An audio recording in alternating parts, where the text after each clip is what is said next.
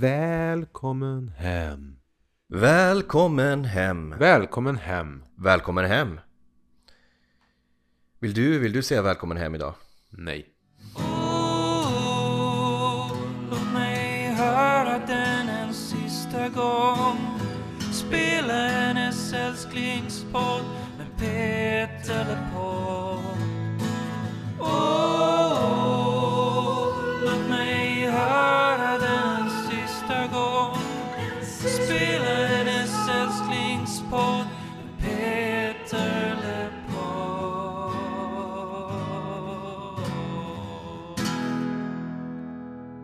Välkommen hem. Du lyssnar på Peter LePodd, Sveriges enda podcast om Peter Lemarks diskografi och karriär. Jag heter Tony Savela och eh, mitt emot mig sitter Emil Gustafsson Rydrup och mitt emot mig sitter Tony Savela. Hur mår du idag Tony? Jo men jag mår eh, bra skulle jag säga. Mm. Eh, Jag, jag, är, jag är glad. Hur är det med dig? Det är eh, helt okej. Det har varit en kvav dag. Håller du med om det? Ja, det är varma dagar som, som kommer nu. Ja du Emil, vad är det vi ska prata om idag? Ja, idag har vi kommit fram till 2012 i Peter Lemarks karriär och skivan Svag doft av skymning. Vi har alltså passerat den här boken, 100 sånger och sanningen bakom dem, som vi har stött oss på mycket. Mm. Och vi har också kommit förbi då den här eh, samlingsskivan han släpper, klassiker. Eh, där 2009-2010 kom i boken, den samlingen och även den här boxen. Eh, som han släpper oss, Starkare än ord. Med alla skivor han släppt dittills. Inkluderat. Um, så där, och jag känner att nu när vi är på den här plattan. Så det här känns för mig väldigt nutida. Ja, Svag doft. Men det är nog tio år sedan snart som den kom då. Ja men då har du absolut rätt i. Det här är en, det här är en skiva som jag tänker, ja men kom igår. Men som, som du säger, det har snart gått tio år. Men Det- det är ju hans näst senaste Precis. skiva. Och då är det alltid nyss på något Ja. sätt. Men eh, det jag tänker på också är att det här är den första skivan som Peter Lemark släppte när jag blev fan av honom. Mm. Mm. Jag började lyssna på honom 2000, vad kan det ha varit? Jag började lyssna på honom 2009 Mm. och mellan då och 2012 så släppte han ju inga album. Så det här är liksom den, den första jag har liksom minnen av att jag faktiskt, du vet När singeln kom, liksom la till den på en Spotify-lista och liksom lyssnade skiten ur Mm. Det är sorgligt att tiden går så fort. Eh, men precis, eh, det här är också intressant för det är också en tid. För du pratade i ett tidigare avsnitt om att Peter Lemark skulle då, om det var med kärlek i tystnadens tid, att han då skulle blogga. Att skivbolaget tyckte att, men fan, blogga lite Peter, så säljer vi plattor. Här har vi kommit till en tid då när vinylen har gjort återinträde. Precis För det här är den första plattan då sen Det finns inget bättre som släpps på vinyl. Eh, och också första skivan som Peter släpper i en deluxe-utgåva samtidigt också. Eh, med en extra skiva och en DVD. Vi kan göra så att vi kan börja med det här liksom lite allmänna Wikipedia-infot. Bara liksom den rent tekniska beskrivningen. Så kan vi väl prata lite grann sen om själva upphovet till varför den här skivan eh, kom till. Eller, så, eller snarare vilka upplevelser som, som har färgat av sig på albumets sånger Och det här var ju en skiva då som utkom som sagt 2012 eh, Inspelat i Decibel Studios Under eh, några få dagar, var det sex dagars inspelning? Jag har fyra dagar i huvudet. Ja, För jag tror det var ungefär lika många dagar som Neil Young tog på sig att spela in skivan Mirrorball 1995 med Pearl Jam i Seattle. Längden på den här skivan är intressant, 41 minuter Ah. Och det var dittills, tror jag, Peter Lemarks kortaste album i alla fall sen vita skivan. Jag har alltid uppfattningen av att det är här e- ett episkt album. Att det, är ett, det är nog handlar om vilka teman och sånt har stått upp i skivan. Men Så kan man väl säga, själva temana och, och ämnena är väl, är väl mer liksom, tar vi ett stort grepp. Men det jag på något sätt tycker är en av skivans starkaste eh, val är just att den är så kort och koncis. Att den inte eh, har så många fillers eller liksom låtar som pockar på liksom uppmärksamhet åt fel håll utan det är en skiva som, som går in, berättar sin historia och sen, du vet, drar hem. Eh, Den här skivan gavs ut då på Sony och producenter var Per Lindholm, Ronny Lahti och eh, Peter Lemark själv. Och, och det här är ju liksom de, de torra eh, faktarna om själva skivan. Och eh, det är svårt att komma runt faktumet, alltså vilka, vilka upplevelser det var som den här skivan kommer ifrån. Och det här är någonting jag tänker att vi kan prata mer om när vi går in och pratar om de specifika låtarna. Men det är också något som många känner till att Peter Lemark eh, fick en cancerdiagnos Mm. eh, och en fight han då utkämpade eh, som då har satt, satt spår Mm. i många av skivans låtar. Och det här var ju någonting som då blev publikt känt när han ställde in turnén, var det 2010? Ja, hösten 2010. Ja, precis. Mm. Och han gick ut med ett öppet brev. Ja, han, liksom- blev, ju- han blev ju närmast tvingad för att han var tvungen att få... För han hade ju tänkt att hålla cancerdiagnosen så hemlig för det är en privat sak. Eh, Men eftersom han var tvungen att ställa in den här turnén eh, så var jag också kanske tvungen att förklara varför. Jag kan respektera att det är någonting man vill hålla privat. Men det är också någonting väldigt, eh, vad ska man säga, ärligt och modigt i att liksom gå ut och berätta om detta och förklara liksom och göra varför man har gjort så många människor besvikna. Och jag tror att när de flesta hör den här förklaringen så känner nog alla att ja men klart du inte ska ut och turnera då. Och det, det, är ju- det är ju spännande att ordet cancer nämns ju aldrig i texterna på skivan. Nej. Men aldrig förr har väl Peter kanske gjort en skiva som så direkt behandlat sjukdomar och döden. Alltså det är ett tema som alltid har funnits där. Men här är det ju nästan som att det är en temaskiva. Och titeln på albumet, som har tagit sitt namn från första spåret på skivan, är ju svår att inte tolka som att det hänger ihop med det temat. Ja, det hade jag faktiskt en fråga till dig om.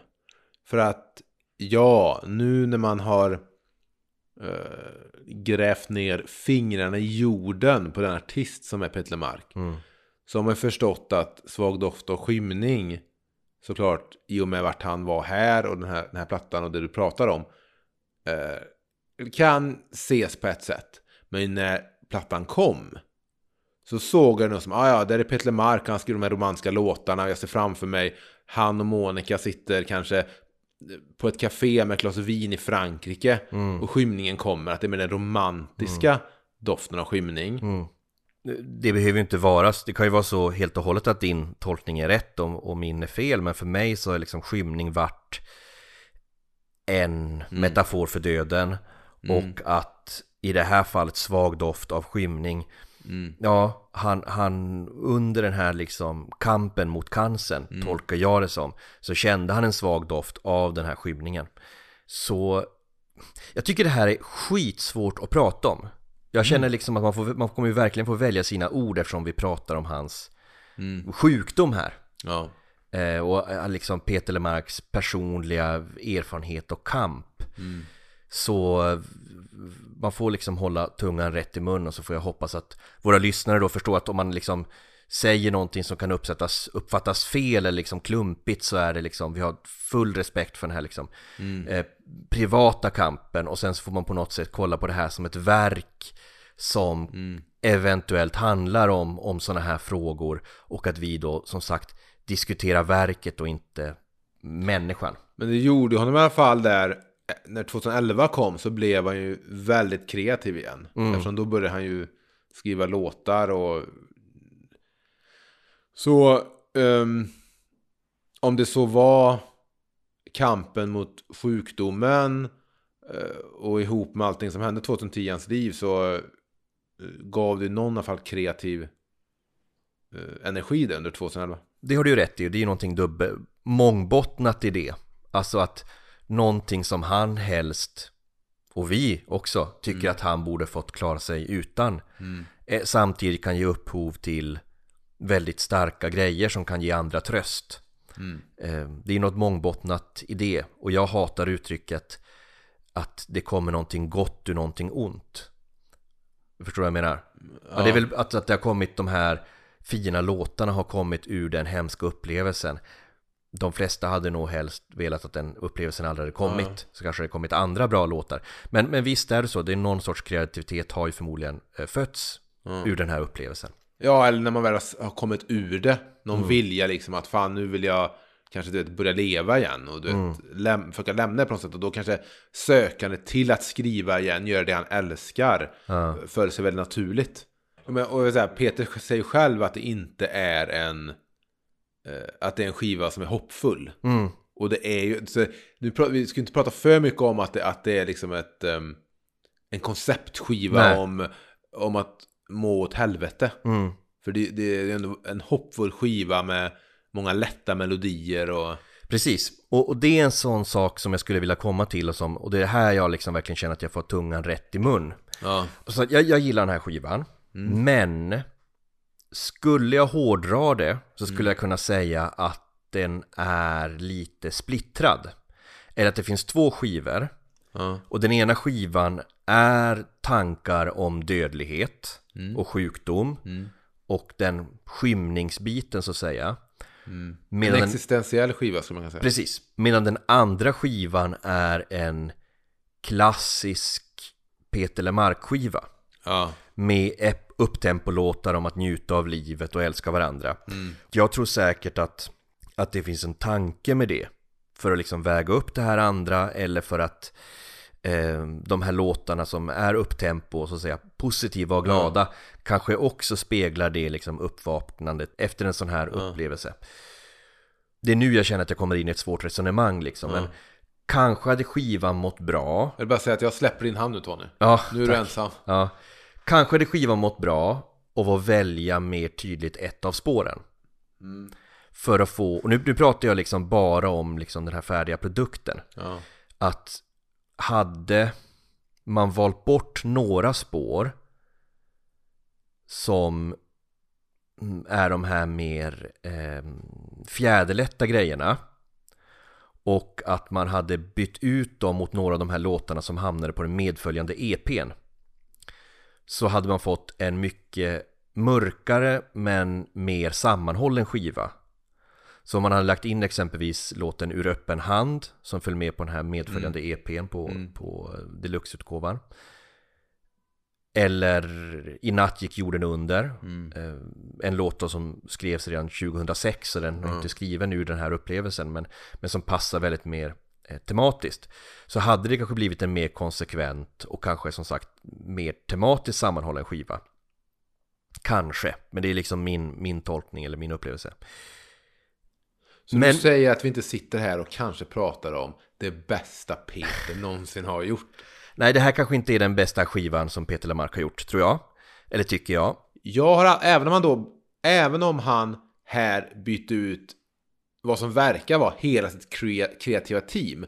Eftersom Johan Lindström som då hade producerat förra skivan, to en tid, eh, sedan spelade med han på 2007-turnén, skulle spela med han 2010, eh, men när Peter Lemark då ställde in den turnén så blev han ju stämd av musikerna eh, för utebliven inkomst.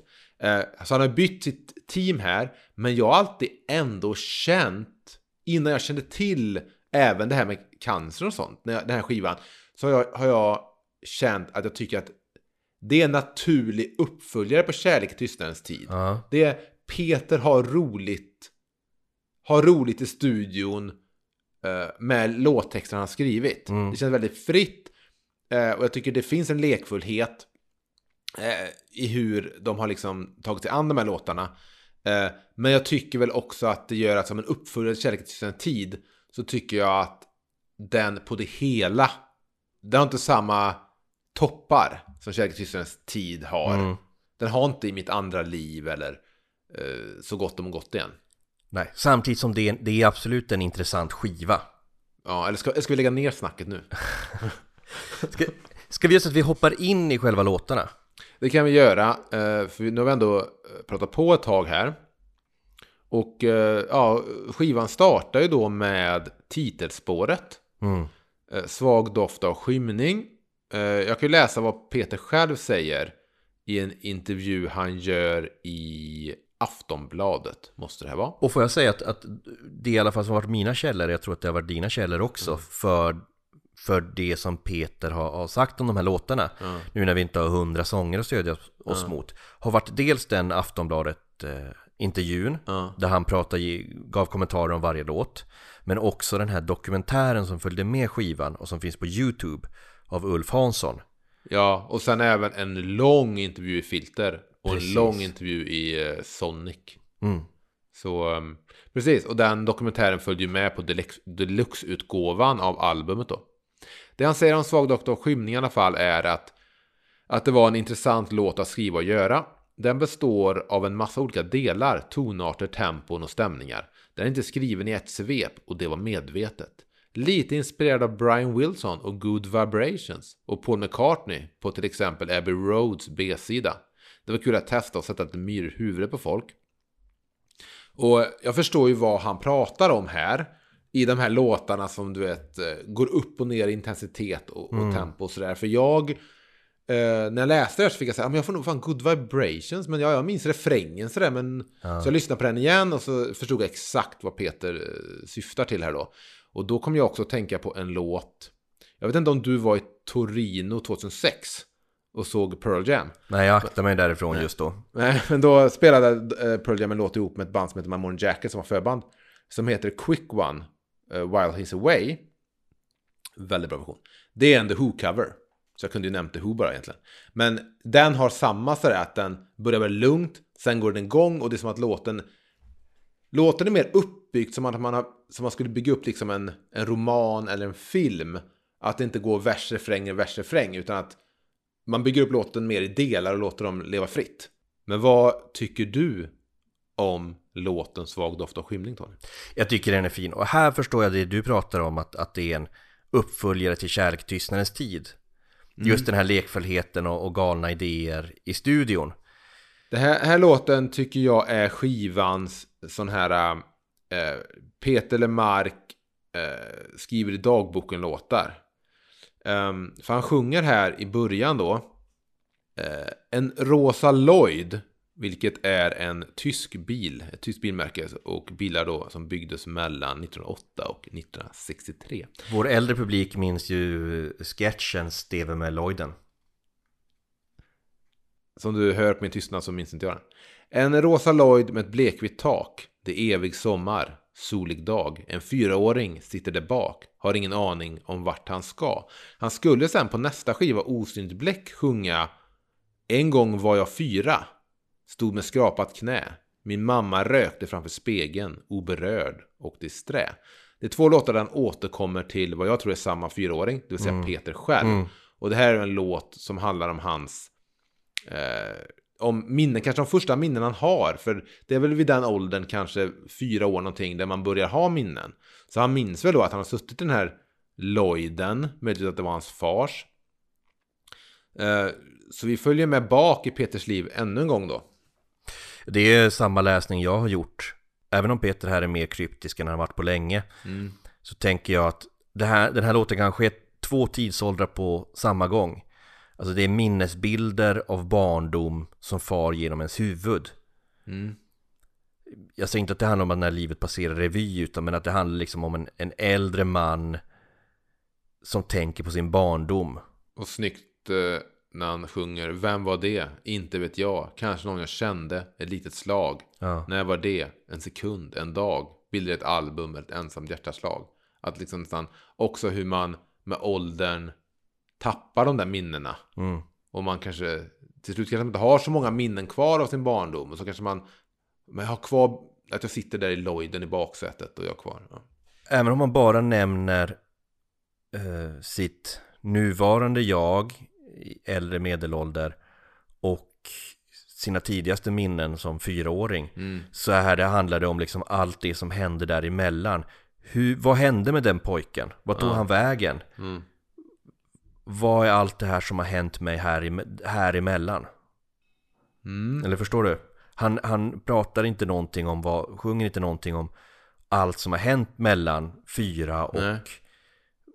vadå, eh, f- 54 Men ändå så är de här liksom 50 åren däremellan som är det här liksom stora frågetecknet Vad var det som skedde egentligen? Men det här jag då undrar om i den här låten, tolkar du det som att när han väl sjunger en svag doft av skymning mot slutet, svag doft av skymning som vägrar försvinna, svag doft av skymning, en osynlig hinna, tolkar du det som att han i nutid då ser en möjlig skymning?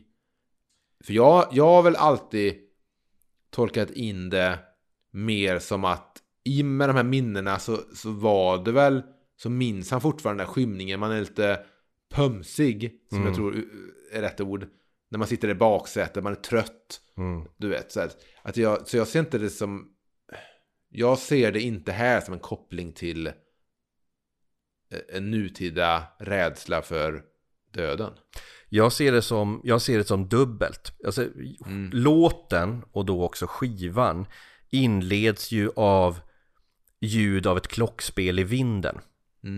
Och det för mig är ju så här klassiska kvällsljud. Ja, ja. Och det är någonting som är kanske någon fågel eller någonting där i du vet fjärran. Någonting i alla fall som ger känslan av att det här är, det här är kväll på liksom altanen. Så jag tror att det är en fysisk kväll där han sitter och minns tillbaka till sin då... barndom. Men jag tror också att det är när du tänker tillbaka på din när du ser slutet närma sig Ja. eller när du börjar inse att det kan komma ett slut Ja. då tänker du tillbaka på början Man är nog väldigt, väldigt nära början. Mm. När man är i slutet. Men för när låten startar då efter det klockspelet med Jag är vinden mot ett fönster, jag är vinden och dess sång. Som ett minne, som ett eko av en oändlighet du nuddat vid en gång. Men det är inte så här, jaget där, jaget, är, kan det vara döden? Kanske, Som är så kanske inte. nära att, att, då, att det är liksom vinden mot fönstret. Mm. Att, att, att döden liksom är runt omkring. Ja, det är en bra, det är en bra läsning. Alltså så här, eh, om man frågar så här, är det här en låt om döden? Ehm, tror jag. Om man Mm. Så skulle jag säga både ja och nej. Mm. Jag skulle inte säga att det är en låt som direkt handlar om döden, men kanske handlar den om livet, synen på livet eh, när man betraktar döden. Ja, då kan det ju vara en låt som är då eh, nutiden. Som är en risk att det kan vara de sista ögonblicken närmast. Och de första minnena, de första ögonblicken. Som förs samman. Samtidigt, who knows? alltså vi kan ha helt fel här. Men efter den här låten så kommer vi då till Memphis i himlen som är första låten som Peter skrev för den här skivan. Han säger Den handlar om mina tankar och känslor efter Lennart Perssons bortgång, då musikjournalisten. Det är som vanligt med mig. Jag gräver där jag står och utgår från det jag känner till, mig själv, mina intryck och fantasier. Men det är ingen hyllningslåt till Lennart, då hade den blivit på ett helt annat vis. Det här är en låt om saknad. Här så, så känner jag att det, det mesta jag kan tillföra den här låten det är att läsa olika citat eh, från artiklar och från, från låttexten. Eh, jag tycker den här låten är så pass rak i vad den sjunger om att det krävs inte mycket analys liksom, men, men det är ju en låt om saknad och väldigt specifik saknad efter liksom en, en kompis. Eh, jag kan väl bara, får jag börja med att läsa bara första versen och eh, kanske refrängen och så sen så kan vi ta lite olika citat från olika håll. Den börjar Jag har ditt nummer i min röda bok. Jag har ditt nummer kvar. Försökt att ringa både natt och dag, men jag får inte något svar. En sorts bön efter varje pipsignal. Du ringer aldrig tillbaks. Det är så mycket jag vill fråga dig. Han aldrig riktigt pratar klart. Finns det ett Memphis i himlen? Finns det ett Graceland i det blå? Där du sitter vid hans högra sida. Jukeboxen står på. Fantastiskt fin hyllning. Jag blev lite rörd nu faktiskt. Eh, till till eh, en man då som har eh, varit väldigt betydande rockjournalist. Eh, jag minns, eh, jag har inte läst eh, Lennart Persson jättemycket, men jag minns dels ett program som heter Studio Pop som han ledde på SVT. Ledde, men han var en paneldeltagare i Studio Var det Pop. inte skåningen som ledde det? Ja, det var Per Stingling Larsson som ledde det och så var, var, eh, Mm. var en paneljäst då, ständig Och- paneljäst, eh, Lennart Persson. Hon var ju med också. Susanne Ljung ja. Som hyllade Peter Lemarks Buick 1982. Ja, precis. Ehm, och jag, jag minns att jag aldrig missade det där liksom. Nej, jag såg det också. Lennart Perssons sägningar. Eh, men jag minns också att när jag upptäckte Bob Dylan Mm. så köpte jag en Very Best Off för att du vet, Mm. som 16-åring för att ha någonting att navigera efter. Då fanns det en text i häftet skrivet av Lennart Persson. Ja. Så jag minns att jag läste här, om och om igen medan jag lyssnade på skivan. Jag tror jag hade samma greatest. Ja. Ja, och jag tror att det är den, den texten om Dylan tror jag fortfarande att jag minns liksom, mm, alltså partier ifrån. Ehm, så det är häftigt. Eh, Lennart Persson skrev även en krönika i tidningen Slits. Mm. Eh, I det första numret av tidningen, då, då, då när Slits fortfarande var en musiktidning. Eh, och i samma nummer, det här första numret då, Mm. så publiceras ju också den här famösa sågningen av marmor. Precis, slag, tidningen Slager blir ju slits. Precis. Kan det vara att första numret kommer tidigt 86 eller något sånt? Någonting sånt. Men, men eh, det skrevs en eh, lång och fin artikel i för tidningen Filter. Får jag läsa delar ur den? Eh, bara om, eh, som också berättar lite grann om ja, men, eh, hur Lennart Perssons bortgång då eh, på flera gånger påverkade eh, Peter Lamarck Så här börjar eh, artikeln. Det är ödets grymma ironi hur Peter Lemark upptäckte sin cancer. Han hade några år tidigare blivit vän med Lennart Persson, den svenska rockjournalistikens eh, nestor, som i över 30 år spridit sin kärlek till musiken i dagspress, magasin och böcker.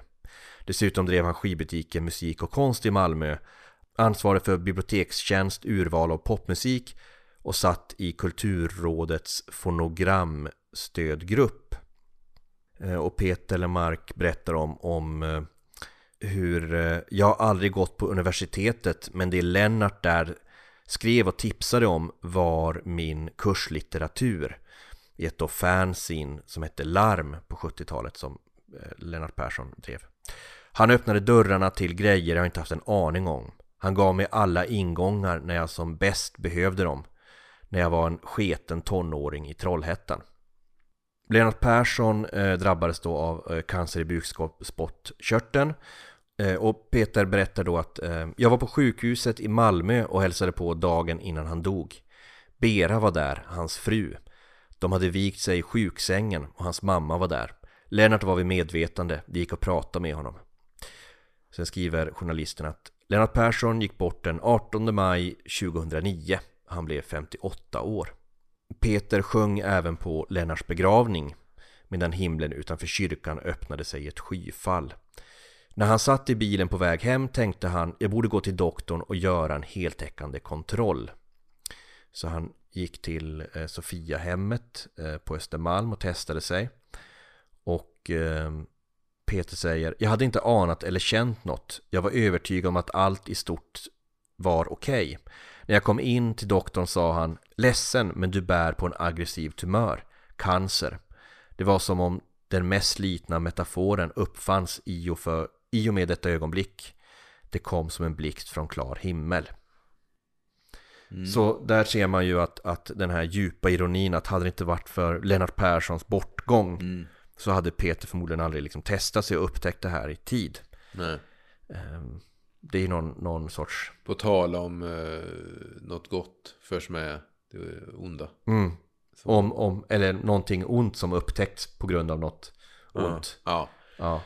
Ehm, En, en grym ironi helt enkelt. Mm, och det som griper tag i mig när han säger, jag minns inte vilken intervju det är, när han säger det här att han ringde till Lennart Perssons telefonsvarare Mm. efter hans bortgång. Bara för att få höra talsvaret och höra hans eh, röst. Nej, det är en, det är en eh, om man ska prata om själva låten så eh, det är en fin låt. Det är en väldigt ärlig låt. Den låten också från den här plattan som eh, tas med till Skeppsholmen-spelningen. Mm. Och eh, då spelas det live. Mm. Eh, men det får man ju säga att det är en, det är en eh, det är nog den rakaste låt som Peter Lemark har skrivit. Förstår du vad jag menar? Alltså den, den, den handlar så tydligt om det den handlar om och den handlar väldigt specifikt om den här personen med sitt stora Elvis-intresse. Ehm, Den är, den är, ja. Det är, det är något väldigt, väldigt personligt man får liksom lyssna på. Då kommer vi till tredje låten på skivan som är Bästa stunden på dagen, Tony. Så här sa ju Peter då själv om, om bästa stunden på dagen. En låt om när inget händer, när man släpper taget och inte jagar, när det bara är stiltje. Jag tror att Peter, jag tror att det är den, om den här låten som Peter säger i den här dokumentären då, en film som ingen tv visar. Det låter ju som Peter Lemark, det hör ju till och med för fan ja, det, det är skivans tralligaste stund får man ändå säga. Här är det ju liksom, eh, här är det ju Peter Lemark-fest igen. Ja, ja. Det här är, det här är verkligen så här Peter Mark och Peter Mark. Det är en vrå av världen-låt. Det är en Så gott. trademark, Ja. liksom så gott att må gott igen Peter. Så här, njut av lugnet. Så en låt som bara handlar om att så här, när man glömmer sina bekymmer för en stund och bara sitter och gnolar. Och visst handlar det återigen om den här liksom vardagskärleken. De små sekunderna man glömmer bort sitt självtvivel och bara tillåts ha det lite gött. Som han själv säger, att bara kunna sitta ner och ta en kopp kaffe, det kan vara den bästa stunden på dagen. Det, det är något som är så härligt med att, att den är så simpel på ett bra sätt. Att det är så här, det, det, det är inga så komplicerade tankar utan det är verkligen så här, ja det är den bästa stunden på dagen. Men det är också nästan som att han vet om att han har skrivit ett par väldigt personliga låtar. Det finns en mörker i dem. Och så sitter han och så här, "Ah, ja men fan. Jag slänger väl med en Peter Mark-låt också då. Ja. Så jag ger det för fansen. Och det är väl här någonstans jag liksom eh, skjuter mig själv i foten med mina liksom, mitt snack om att så, ja, men skivan borde varit mer liksom sammanhållet, liksom genomgående temat. Men kanske det är sådana här tankar som väcks när man liksom inser, när en god vän går bort, då inser man plötsligt så här, fan hur gött det är att leva också. Ja, Och hur värdefull stunden är när man bara liksom sitter och, och, och gnor. Han sjunger exempelvis här sista versen. När inga tårar längre faller, när alla tårar tagit slut och jag ritar krumelurer på en magisk målarduk när jag tror jag varit älskad och kan nöja mig med det när inte finner felet det är så sällan som det sker men eh, det jag tycker är trevligast på, på med själva låten och kanske också trevligaste stunden på skivan är kören i refrängen. Du du du du du ja, som ändå, det finns en slapphet i den kören, eller hur? Det är inte, den är inte så här, den känns lite också bedövad på ett skönt sätt. Ja, Jag menar på ett positivt sätt, men det är så här, äh, det, Det är någonting in- släpigt i den. det är inte studio Du vet, det är inte så att man har tagit in en studiomusiker som är jävligt bra på att lägga körsång Nej. Och du vet så här, han har laddat i dagar för att komma in och, och lägga ett dö i taget som man sen klipper ihop Utan det här är verkligen grabbarna i studion Och det är ju verkligen Ja, grabbar här det som jag säger, nu ska jag inte, Som samlas runt micken och bara liksom kör nu ska jag inte liksom förstöra din, din självbild som uh, allvetare, men kören görs ju av Peter Hallström. Som dyker upp igen, som var med och körade på, eh, senast var väl eh, Det finns inget bättre. Fan också, för jag tänkte säga Han körde ju på Little Willie John. Och han kör väl också på senast jag såg Änglarna va? Ja, precis. För att jag tänkte säga, det här är ju inte den här, du vet, proffsiga kören i senast jag såg Du vet, det är det här man säger, det, det, det är det här det visar sig Man tror att man liksom, du vet Man hör något som är avslappnat men så är det liksom jävligt uttänkt Ja, ja. Ja Man vill ha den där släpigheten i det. mm. du, du, du, du, du. Du. Då är vi på låten Gråta som en kar. Som väl är den låten på skivan som närmast pratar om eh, Peter och hans sjukdom. Han säger själv då i Aftonbladet att låten handlar om att lära sig leva med att så här blev det. Om det nu är en sjukdom eller vad det är som har hänt. Den beskriver ganska bra hur man känner det. Att se att så här är det. Det gick ju inte under den här perioden. Då gick ju tanken åt alla håll och kanter. Men efterhand har jag fått lära mig att acceptera vissa saker. Precis som vi alla får lära oss att acceptera vissa saker. Ja, när den här plattan kom. Så, alltså, hör, alltså i början, när man hör en låt första gången så hör man egentligen bara nästan bara refrängen. Mm. Så då tolkar jag det som en annan låt. Jag tror till och med jag hörde den första gången på, på radion. Det var ju första singeln från skivan. Och, men sen när man har förstått att det handlar om i alla fall, han har, han har öst lite ur, ur då sin egen sjukdom eh, som stoff till den här låten. Eh, så blir det någonting annat. Men det jag stannar upp vid här och kan fråga dig om är hur läser du ut just raden gråta som en kar? Det känns som väldigt många olika sätt att Ja. tolka den låten. Jag tycker det är skitintressant eh, Just den meningen Peter säger en intressant grej i den här dokumentären.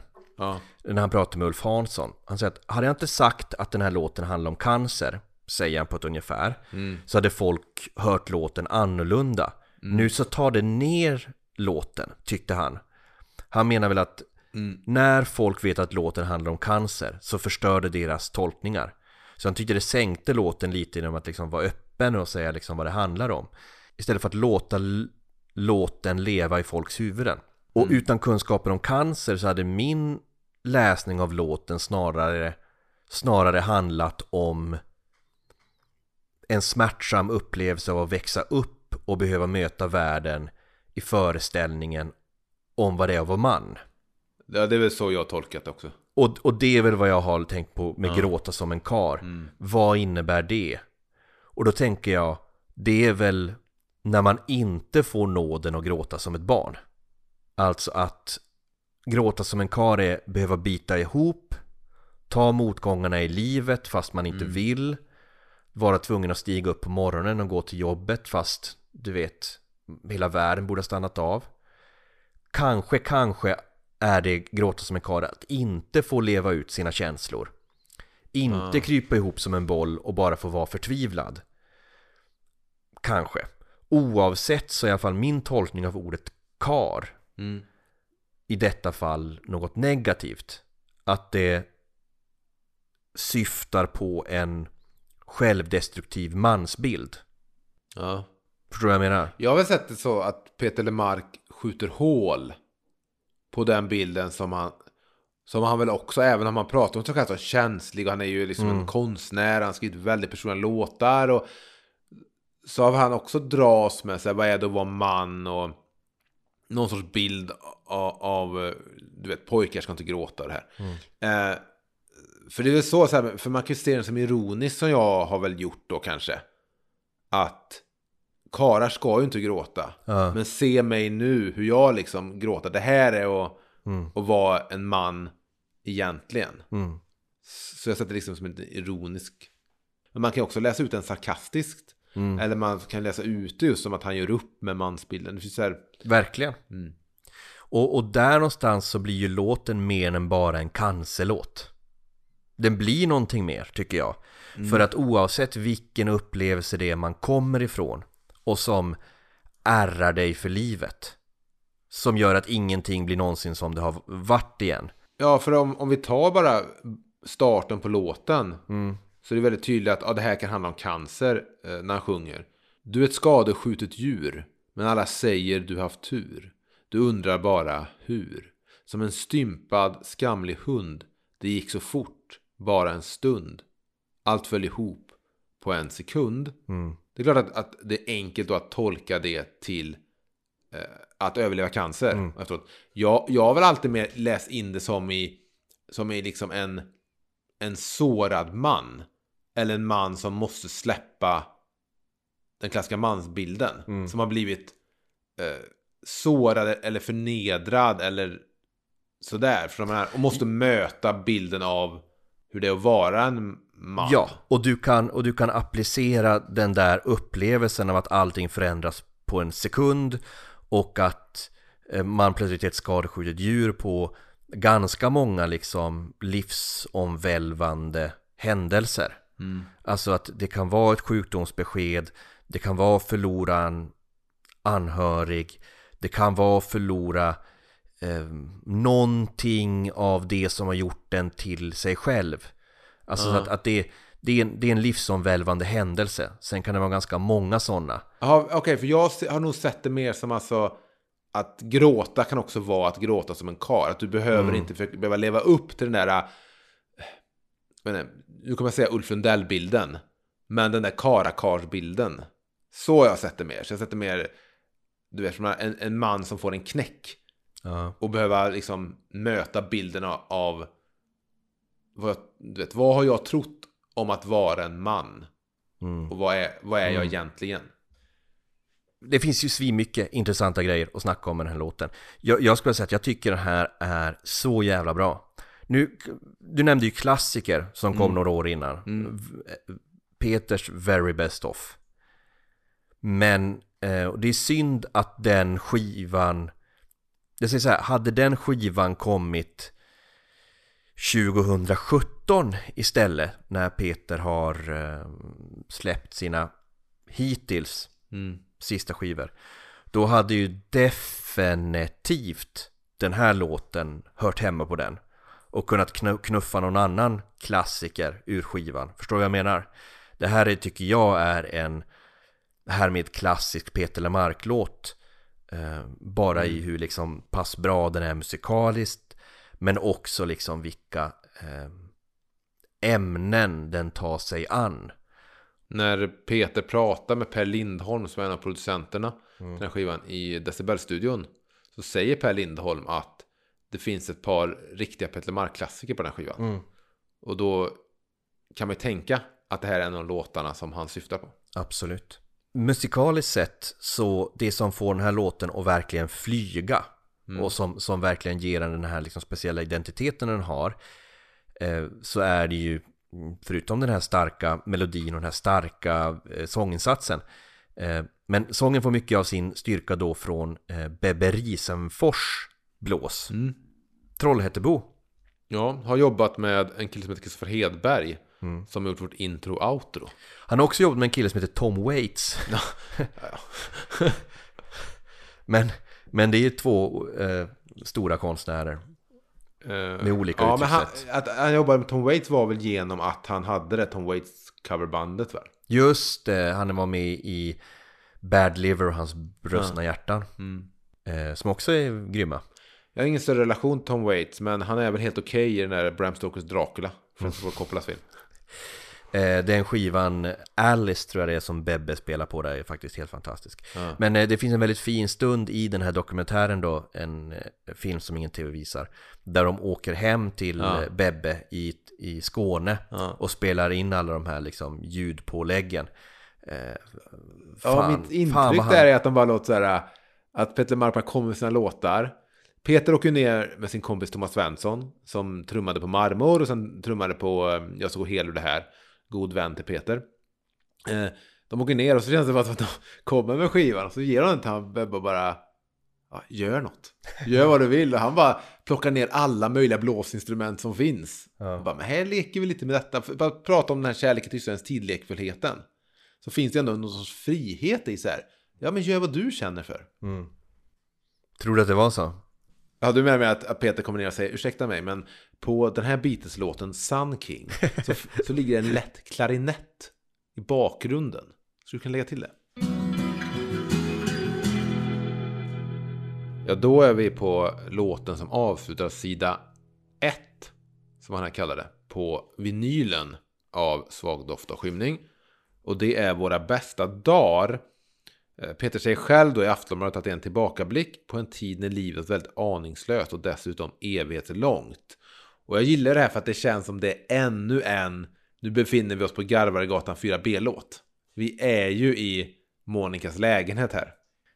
Siri, spela en typisk Peter Lemark-låt. Ja, då skulle den få härdsmälta, men jag skulle inte kunna välja mellan den här låten och Bästa stunden på dagen. Ja. Det är väldigt mycket checklista här. Ja, men nu är vi tillbaka i Trollhättan, vi är på Garvagatan 4B, vi är tillbaka i de där unga åren när kärleken är som starkast och där är vi mot dem mot världen. Det är barfota barn. Ja, det har jag skrivit upp här. Det är, eh, det är inte tandborstbråk. Men det är väl en tandborstglasskål.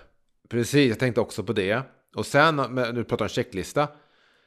Han avslutar ju med en väldigt snygg vers som vi kanske kan stanna vid lite. Eh, för han sjunger. Jag kanske bara hittat på. Eller så har jag bara glömt. Kan inte minnas något om regnet.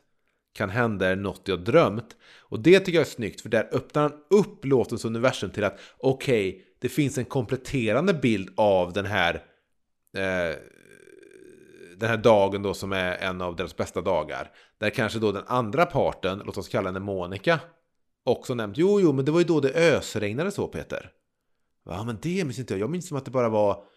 Det fanns en svag doft av skymning i luften, och, men det fanns ingen regn. Det kan också vara det, kan inte minnas något om regnet, kan också vara jag kan inte minnas något om att det faktiskt var rätt jobbigt och du vet vi, Jag förstår att det Det var också... kämpigt, att det, det är en dubbel metafor va? Mm. Ja, jag förstår att det också såklart kan handla om det, att man minns i sina minnen så kan det lätt bli så att man antingen minns allting väldigt dåligt eller så minns man allting väldigt, väldigt bra.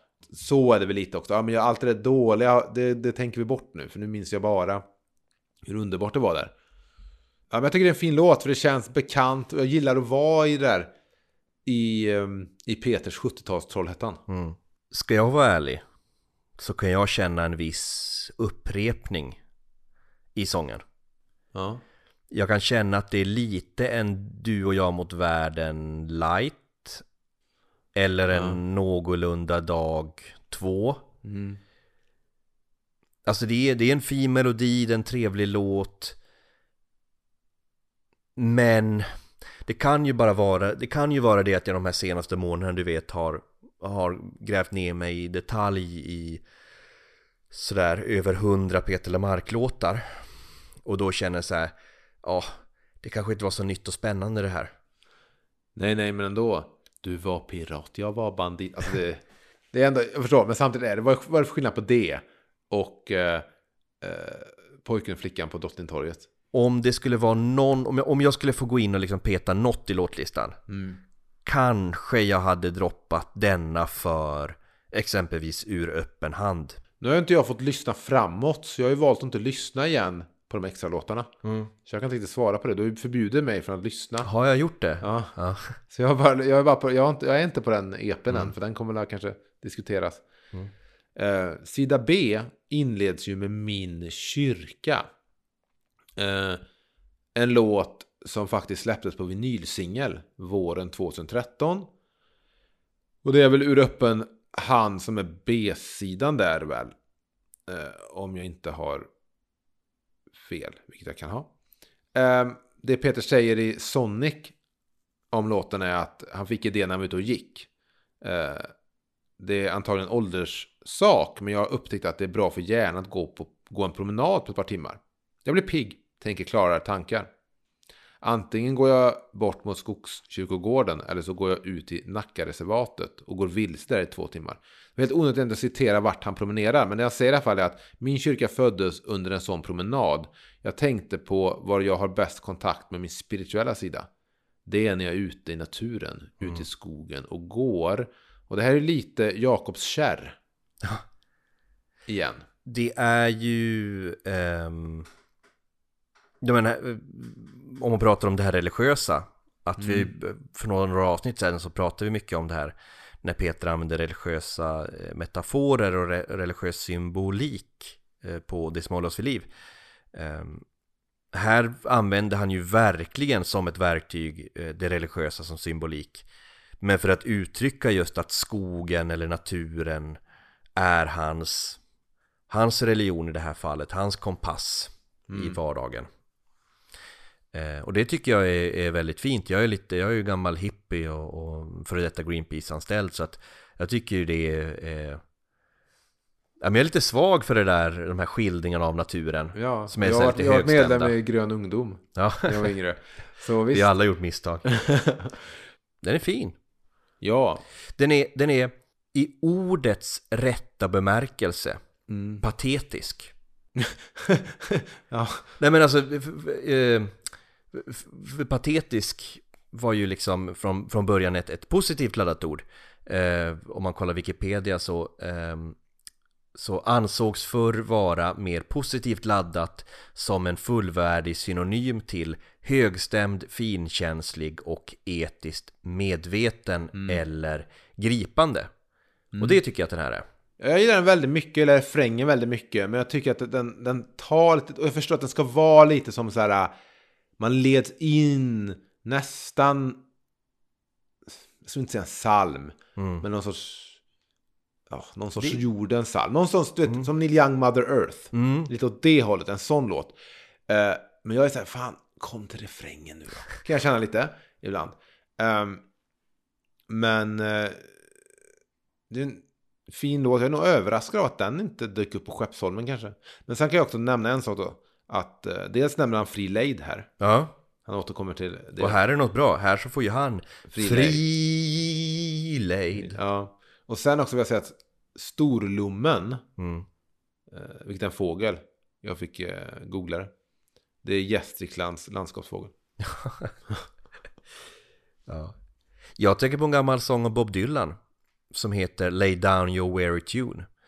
Eh, eh, som är en sån här sång om hur, hur ingen röst eller instrument kan nå upp till ljudet av en forsande flod.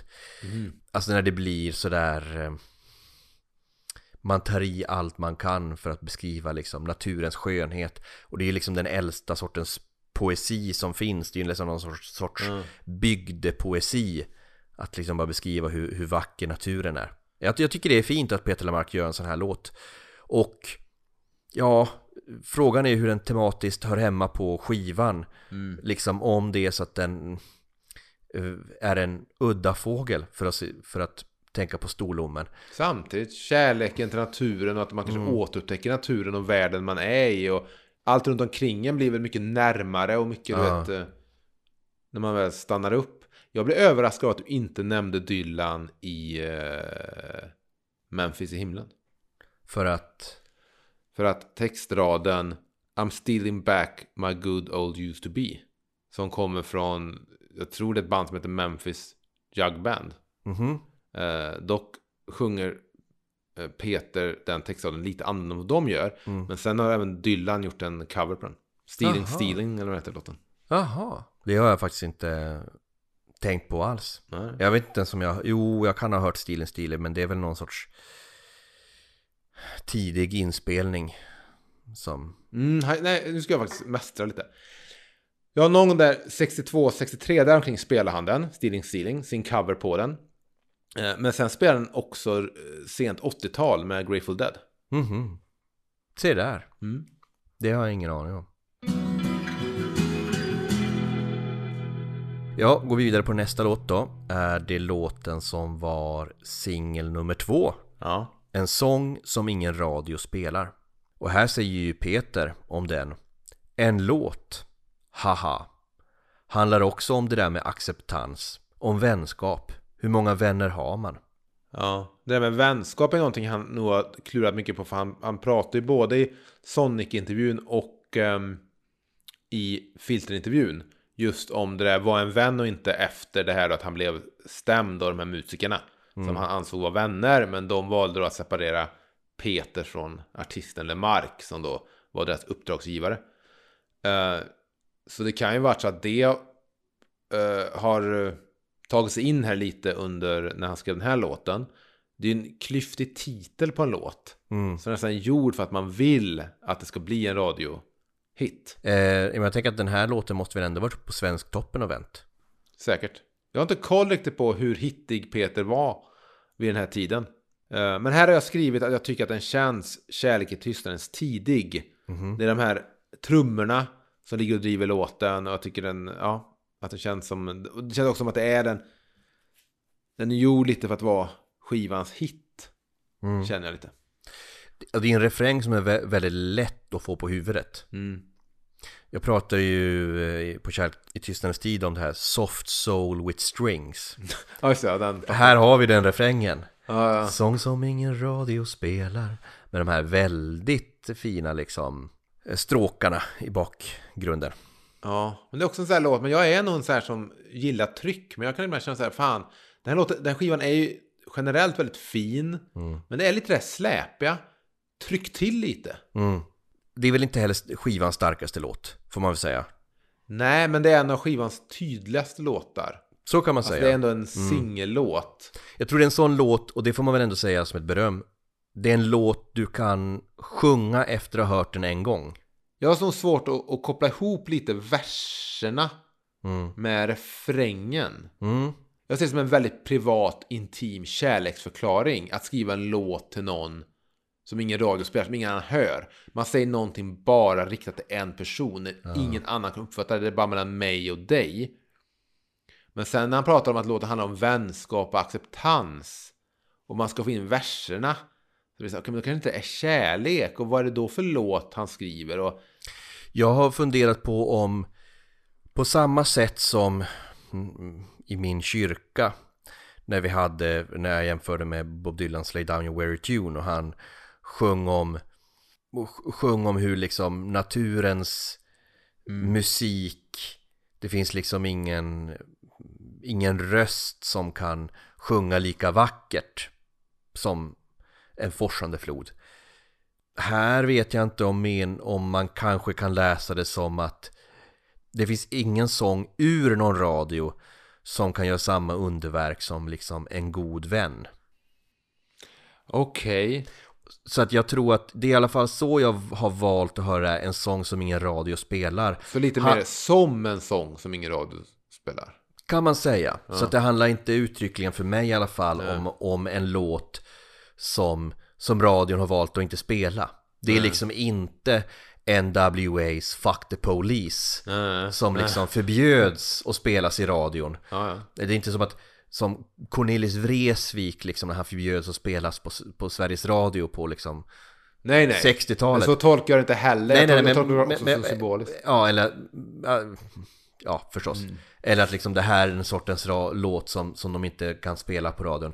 Utan, utan det här som jag ger dig är, är en sång som ingen radio spelar.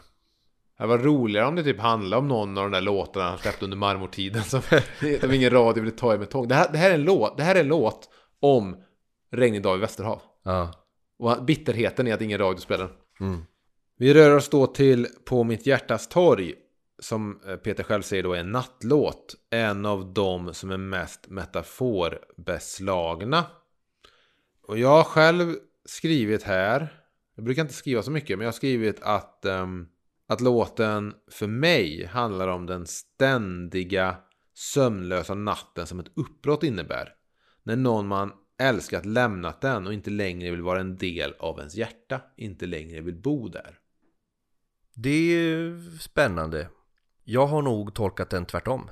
Oj, det är spännande. Jag bara säger att jag, jag gillar den här låten svin mycket. Ja, det är också Och jag, och jag tycker att eh, de sista låtarna här på skivan är liksom eh, Den bygger upp mot en väldigt bra final Det är liksom genomgående här mot slutet så är det bara I och med den här låten och framåt så är det bara Wow, vad fan hände här liksom? Här la- lade ni en extra växel Ja men och, och, om min tolkning så här, okej ehm, Om jag ska börja något så säga, vad är hjärtats torg? Ja. Så jag tänker på en eh, låt som poeten och sångaren Charlie Engstrand eh, sjöng Som heter Sentimentalsjukhuset Ja. Som eh, Tony Holgersson, Ja. som vi har nämnt mycket i den här podden. Han har spelat och sjungit in den. Ja. Väldigt fint. Där finns det en refräng som går Lägg mitt hjärta i en korg på sentimentalsjukhusets trappa. Gå inte över de klokas torg. Där är hjärtan i korgar så lätta att råka tappa. Och jag tror inte att låtarna har någon egentligen annan koppling än, än just orden hjärta och torg. Men jag kopplar gärna ihop dem för att de väcker lite samma känslor av melankoli hos mig Ja. jag undrar om låten kanske handlar om melankoli Men för mig så kanske det är någon sorts melankoli Som frasen Hjärtats torg i alla fall får mig att färdas mot För mig, om jag då så efter den här långa utläggningen då säger vad jag tror att låten handlar om Så tror jag att Handlar sången kanske om att möta någon med ett öppet hjärta på lika villkor Att ska du få beträda mitt hjärtas torg Ja. så får du ta med dig ditt hjärta i en korg. Alltså möt mig ärligt och naket så ska jag visa dig mitt innersta. Alltså då får du se mina mest privata sidor. Mm. Och, i, och det är väl i sista versen där som en tennsoldat marscherar förbi. Och då tänker jag liksom att det är sångaren själv som har utkämpat så många liksom strider mot sig själv eller strider mot världen. Och för att han ska lägga ner sina vapen så behöver den personen som möter honom på hjärtats torg också ha lagt ner sina vapen. Ja, okej, för jag ser nog hela refrängen som en bön till någon att komma tillbaka. För den här låten innehåller en av mina favoritverser av Peter Lemark. Och den går. Från mitt hjärtas torg har en älskande sänts i exil. Det tror jag alltså är den man har älskat. I en landsflykt så långt, långt bort. Långt från sitt egna hjärta då. Flera hundra mil. Vid mitt hjärtas torg finns en brunn strax intill. Där flera år av tårar ligger samlade i en pupill. Fan vad fin. Ja, ja men jag, jag tolkar det verkligen som om man har varit två i ett hjärta. Eh, Och det har, det har brustit. Och man står där liksom ensam på det här gigantiska Mm. torget. Tänk dig Drottningtorget i Trollhättan. Nu när de har tagit bort bussarna och allting också. Nästa låt här då på upploppet Har någon sett till Douglas? Här skriver Peter Lemark Handlar också om känslor efter en väns bortgång Inte bara just kring den vännen utan allting och om jag får hugga tag i det här Emil så skulle jag vilja säga så att jag, jag vet inte vem kompisen Douglas är som han sjunger om Men det spelar ingen roll för, för här kommer det liksom, här är ju den andra låten på den här skivan som, som handlar om en, en vän som har gått bort och som handlar om döden. Ehm, men den gör det med en, med en energi och med en ingång som inte är lika, vad ska jag säga, ehm, mörk eller med samma svärta. Jag tycker det är ett väldigt snyggt anslag till en låt att använda den naiviteten som görs här i att inte förstå vart någon är när personen har gått bort och på det sättet prata om den otroliga tomheten när någon rycks bort från en. Eh, så det tycker jag är snyggt att liksom använda den otroliga eh, naiva det oförståendet för vad, vad som har hänt eh, är snyggt ihop med att man också eh, inte låter liksom att det var att det är inte en ny vaggsång klockan fyra i tempo eller ton utan det är upptempo och det är riv i låten. Och en, och en refräng som man liksom kan gå omkring och nynna på när man Precis. går till bussen. Ja. Det finns en dubbeltydlighet i alla fall för mig, eller så som jag läser den så, så har jag något mångdubbelt i den här eh, refrängen har någon sett till Douglas kan någon säga vad han är. Det är precis som du säger den där liksom, den där nästan naiva, bara ins, den där naiva käns känslan av att liksom, ja men någon, någon lever, plötsligt så dör den personen och sen är den borta. Vad, vad, du vet, han ska ju vara här. Men istället så begraver vi den personen, du vet, går på kyrkkaffe, sen åker vi hem och lever.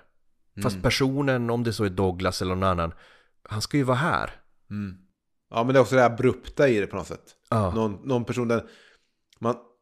ibland- Visst, så här, vissa människor sakta men säkert tonas ju bort in i en skymning. Ja, Eh, Vi har, många av oss har ju haft eh, äldre släktingar och sånt som har haft eh, eh, Alzheimers och liknande. Så man liksom nästan vänjer sig vid att personen försvinner genom att personen också glömmer och till slut inte ens någon man kan kommunicera med.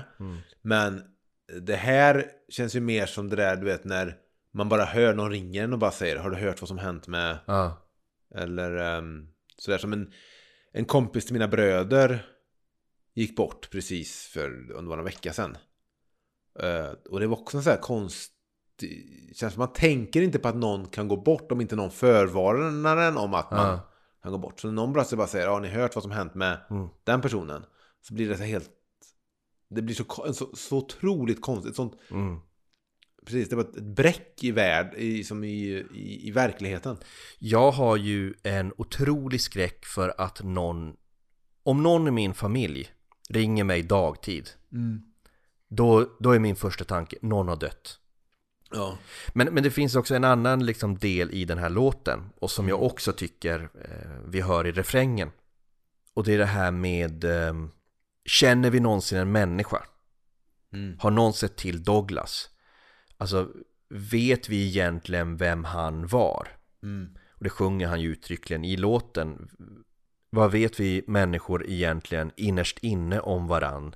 Som silhuetter, ja som främlingar, varenda möte likadant. I ett fragment utav ett leende kan det någon gång skönjas någonting som är sant. Har någon sett till Douglas? Vet någon var han är? Har någon sett till Douglas? I så fall säg mig när. Och där finns det ju också det här, den här andra delen av det. Att ehm, känner vi egentligen en människa och, och, och har, vi, har någon överhuvudtaget träffat Douglas? Alltså visst, vi kanske har träffat honom fysiskt. Vi har träffat personen Douglas, vi har befunnit oss i samma rum som honom och du vet pratat om vädret. Men har vi träffat den person han egentligen är? Mm. Och på något sätt genom att Peter Lemark sätter ett namn på den här personen, den här personen då som förmodligen hette Douglas, vem det nu var. Så blir det också sådär, personen är Douglas men Douglas är också alla. Är det en grundsak av mig- att säga eller förstår du vad jag menar? Nej, det är det inte. Jag tänkte bara på det där äh, vad som skiljer att använda namnet på personen och inte. Mm. Eh, jag tycker det ger låten karaktär. Mm. I att namnet är med. Det finns ju de här... Eh, men han... Jag vet att när han eh, i det här Musikplats Stockholm som var ett P4-program som han var och spelade i live om det var 2013. eh, Då körde han ju Vaggsång klockan fyra. Och då nämner han ju också det här att han har... ehm, eh, jag, kan faktiskt, jag kan faktiskt citera honom. Han säger Som sagt, senaste gången jag uppträdde inför publik offentligt var 2007. Men har faktiskt spelat tre gånger sedan dess. Tre begravningar. Det du nämnde med Lennart Persson förut då. Så den här säsongen vill jag spela för Lennart, Douglas och Malmen. Jag tror han säger Malmen där. Mm. Och på Lennarts begravning spelar han ju Vaggsång klockan fyra. Mm. Och det är väl, han kanske spelar den även på Douglas och jag hoppas personen heter Malmen. Ehm, jag tycker ändå det finns något väldigt kreativt friskt i att göra låten så här. Mm. Och att det inte blir någonting väldigt, nu ska vi vara allvarliga. Mm. utan just naiviteten i låten är, tycker jag gör den fantastisk. Och det finns ett jäkla röj i den. Jag skulle vilja säga om vi ska plocka eh, fram en Most Valuable Player i den här låten så Andreas Dahlbäck på trummor. Ja, Som sen skulle återkomma på Skeppsholmen bland annat. Eh, han, han gör verkligen en kaka, kakafoni av liksom trummor här. Han vevar på rätt ordentligt. Och det är, ju- han är en stor anledning till att låten har ett sånt skönt driv som den har. ja verkligen. Men eh, ja, en jäkla energi. eh, Som sen övergår till en låt som inte alls har samma energi då. Och det är Regn mot ett rostigt tak. Eh, och det är en låt om sömnlöshet. Ja, och Peter har ju pratat om det där att, ehm, att just låten handlar om en sömnlös natt. Eh, när jag vet att den här tabletten skulle jag tagit för länge sedan anser jag det ingen idé. När radiokanalen Mix Megapol går på för fullt i mitt huvud. Fast med andra saker. Jag borde fixat det där. Den skulle jag ju ha ringt. Det har jag inte hunnit med. Det bara tjattrar hela tiden. Så det är liksom rädslan för en sömnlös natt kan vara en demon. Men börjar man fokusera på det är man inne i en ond spiral. Så är en låt som är väldigt tydligt och handlar om att inte kunna sova. Det finns ju många låtar här vill jag bara säga. Har jag inte sett att det finns någon måne med. Vilket innebär att det är en hopplös natt. Ja. Man har inte ens vännen månen närvarande. Ja, det är ju fint att koncentrera låten kring, kring sömnlöshet. Något som kan få stora konsekvenser om man har svårt att sova. Det handlar väl egentligen, alltså att man har svårt att sova beror väl oftast på saker. Det är väl så att att människan är lite gjord för att kunna sova. Mm. Eh, Så visst, men det är ju ett starkt tema eh, Peter har stött sig mot. Just eh, nattens ångest eller nattens ensamhet. Eh, Och så här får vi en till låt om det. Det är väl något med den där sömnlösheten också som är sådär om, om du lider av liksom sömnlöshet så gör du alltid liksom själv Det är liksom på sin höjd en sambo som kan liksom ligga bredvid och höra dig Jo, liksom men det är, ändå, det är en sån där grej som ändå är otroligt ensam. Även om man är ett, ett harem av folk. Så är man ju ändå helt ensam med sin sömnlöshet. Ja Jag har ju, och det här är ju förstås väldigt grunt av mig, jag säger inte att det är en universal, universallösning. Men jag har ju hittat min medicin mot sömnlöshet. Ja. Alltså om jag har svårt att sova, Jag fick alltid tipset när jag växte upp. Ett glas varmjölk. det är bra också. Eh, nej, men om det är så att man har svårt att sova, eller de tillfällen man har haft svårt att sova, då är det ofta för att det är tankar som snurrar i huvudet. Ja. Allt ifrån det här liksom, och det där måste jag ta itu med, tills man kommer att tänka på någonting som är liksom, du vet, jobbigt, eller någonting pinsamt man gjorde i fjärde klass, eller du vet, någonting som snurrar där inne. Eller om det är så att jävlar, jag ska upp och jobba svintidigt imorgon bitti, men jag är inte trött, jag måste gå och lägga mig. För mig, fail safe, Ja. jag lyssnar på ljudböcker av Sherlock Holmes. På brittisk engelska. Slår jag igång en sån, jag har ett par stycken som jag liksom föredrar. Ja. Så 10 minuter max somnar jag. Som ett barn. Ja, jag har aldrig haft problem med att sova frånsett två tillfällen i mitt liv. Ett var våren 2004 när jag skulle göra min första stadstenta i filmvetenskap. Då sov jag inte en blund på hela natten. Eh, eh, och sen eh, förra sommaren fick jag problem att sova. Och det är enda gången som jag också fått hjälp. Då hade jag en kompis som skickade ner sömntabletter till mig. Mm. Liksom med posten bara så här. Men jag skickar en karta av mina liksom. Eh, så då använde jag det för att liksom eh, kunna sova.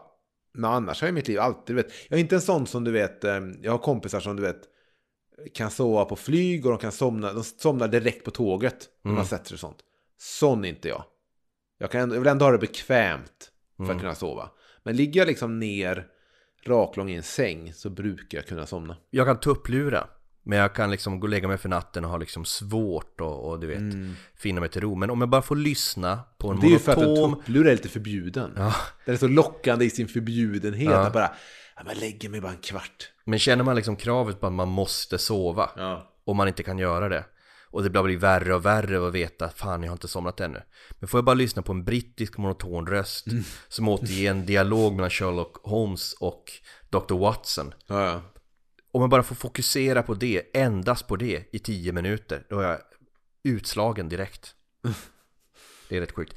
Alltså musikaliskt måste vi prata lite grann om den här låten för den är så jävla bra. Helvete vad jag gillar. Dels gillar jag Peters sätt att sjunga. Han har en väldigt, det är nästan som att han försöker viska så att han inte ska väcka Monica som ligger bredvid och sover. När han sjunger. En väldigt så här ljus och liksom direkt ton. Ja. Och sen så är det ett jävligt häftigt ljudlandskap. Ja, ja.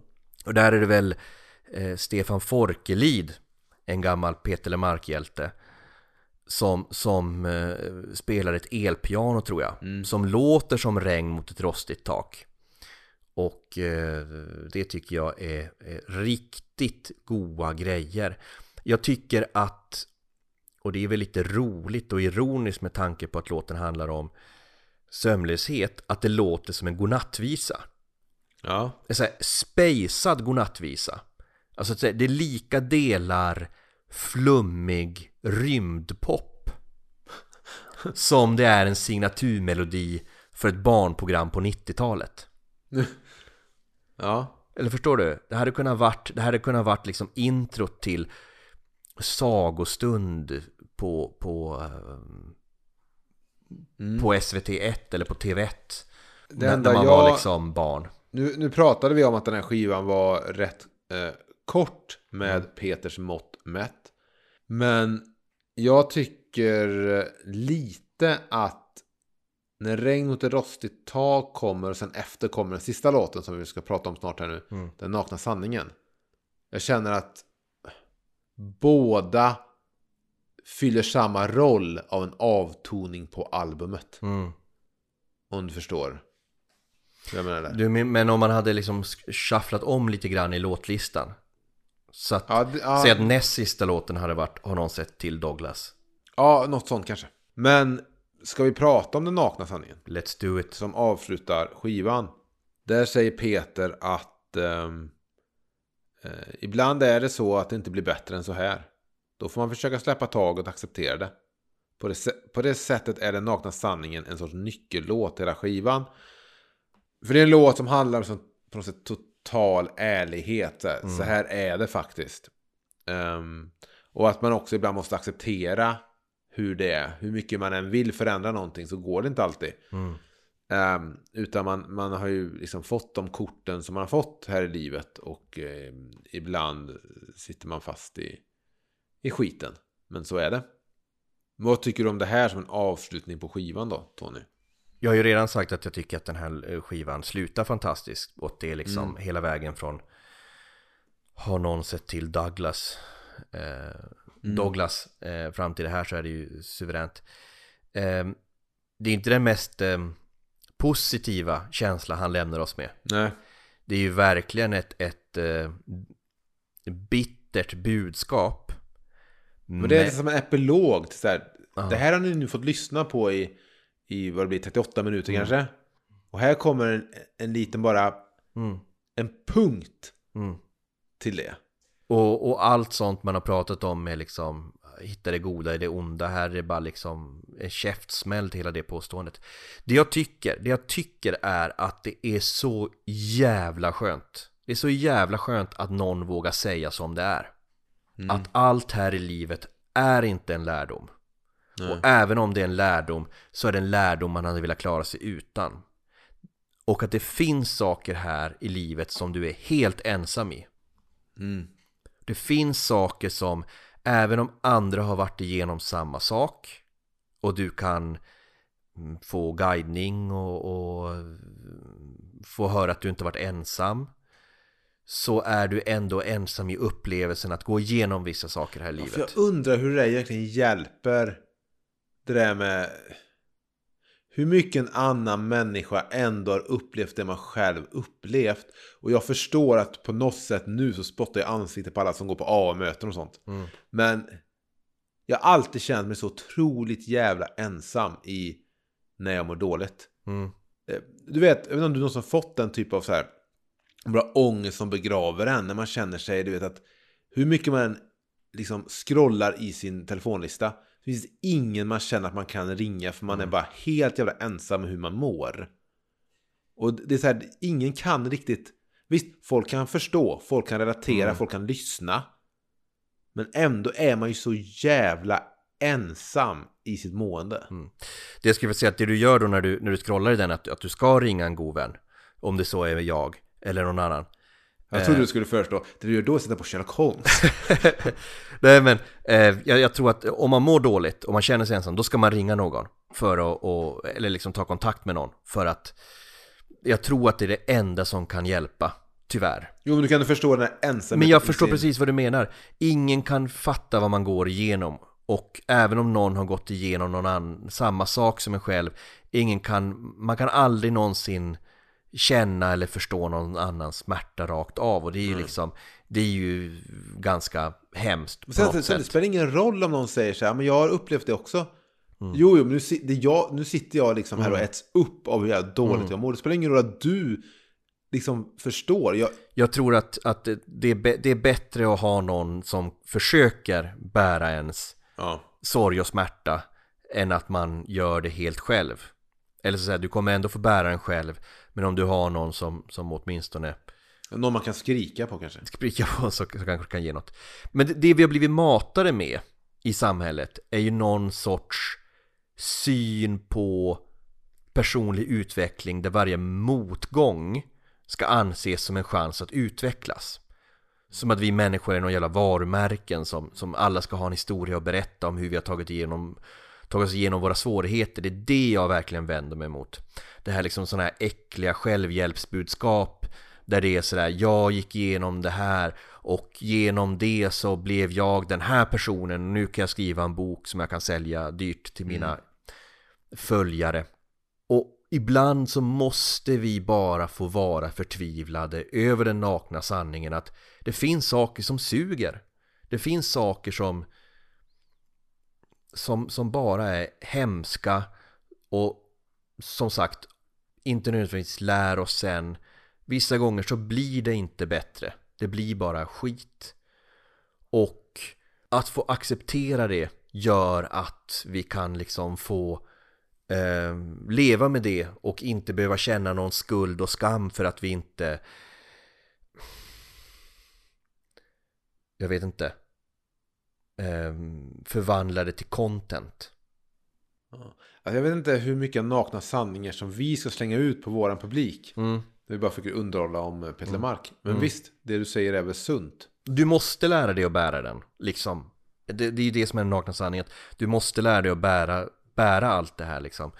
Ehm, och jag vill bara poängtera verkligen att liksom, man ska inte behöva gå igenom saker ensam. Man ska vända sig till någon om man behöver det liksom. Men eh, Jo, men det är... Ja, men man står ju ändå helt jävla ensam. det gör man ju. Hur mycket än... Mm. Du vet. Men, ja, visst. Mm. Vad är det kommer fram till här? Jag vet inte. Jag vet inte. Bara att, det är, bara att det är skönt att någon vågar säga som det är. Ja, ja. Och det jag vet sen är att eh, i den här eh, musikdokumentären Peter sätter upp på skiva som kommer efter när skivan har släppts. Eh, om det är P4 som gör det. Så får ju Peter frågan eh, efter den här skivan då att men det låter på dig som du ganska snart kommer att sätta dig ner med gitarren och skriva nytt. Och då säger Peter Ja, det kommer jag att göra. Fast sen om det blir till mig eller någon annan, det vet jag inte. Men nu känner jag att nej, nu är det dags att sätta igång igen. Och det är bara att jag bestämmer mig för det. Nej Fransson, nu får du sätta dig ner och börja jobba. Klockan tio imorgon skriver du en låt. Och det är så det funkar. Men det skulle då ta eh, fyra år till hans nästa skiva. Eh, som hittills är hans sista. Mm. Och det skulle tyvärr tematiskt bli, bli lite av en uppföljare på den här skivan. Ja, På vissa sätt. en starkare doft av skymning. Mm. Det är en fin skiva det här. Är, det, är det kanske Peter Lemarks bästa skiva? Eh, eh, ja, den är väl uppe där. Ja, nej men, men, eh, eh, men det här är faktiskt en skiva jag känner nu När vi tidigare har spelat in de här avsnitten så har jag känt mig lite färdig med skivan för tillfället och huggit tag i nästa Men här känner jag faktiskt att jag nog ska fortsätta lyssna lite grann på Svag doft och skymning Ja, men det är väl ett positivt betyg då. Men känner vi oss färdiga med det här avsnittet i alla fall? Det är vi nog, det är vi nog Ja, tack till alla som har lyssnat eh, Att ni orkade med oss ett avsnitt till eh, Om man vill komma i kontakt med oss Emil, hur gör man då? Ja, enklast är då som vi har nämnt nu i ett eh, par avsnitt att gå in på sociala medier.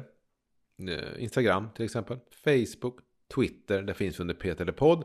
Man kan också mejla oss som vissa gör på peterlepodd.gmail.com Våran musik, det vill säga introt och outrot är ju som sagt av den här killen Kristoffer Hedberg som också jobbat med BB Risenfors nere i Skåne. Eh, och hans musik, eh, han är med i bandet Easy October. De finns på Spotify. Och med det sagt, vår avskedssignatur Allt är bra nu Gitarrsolo.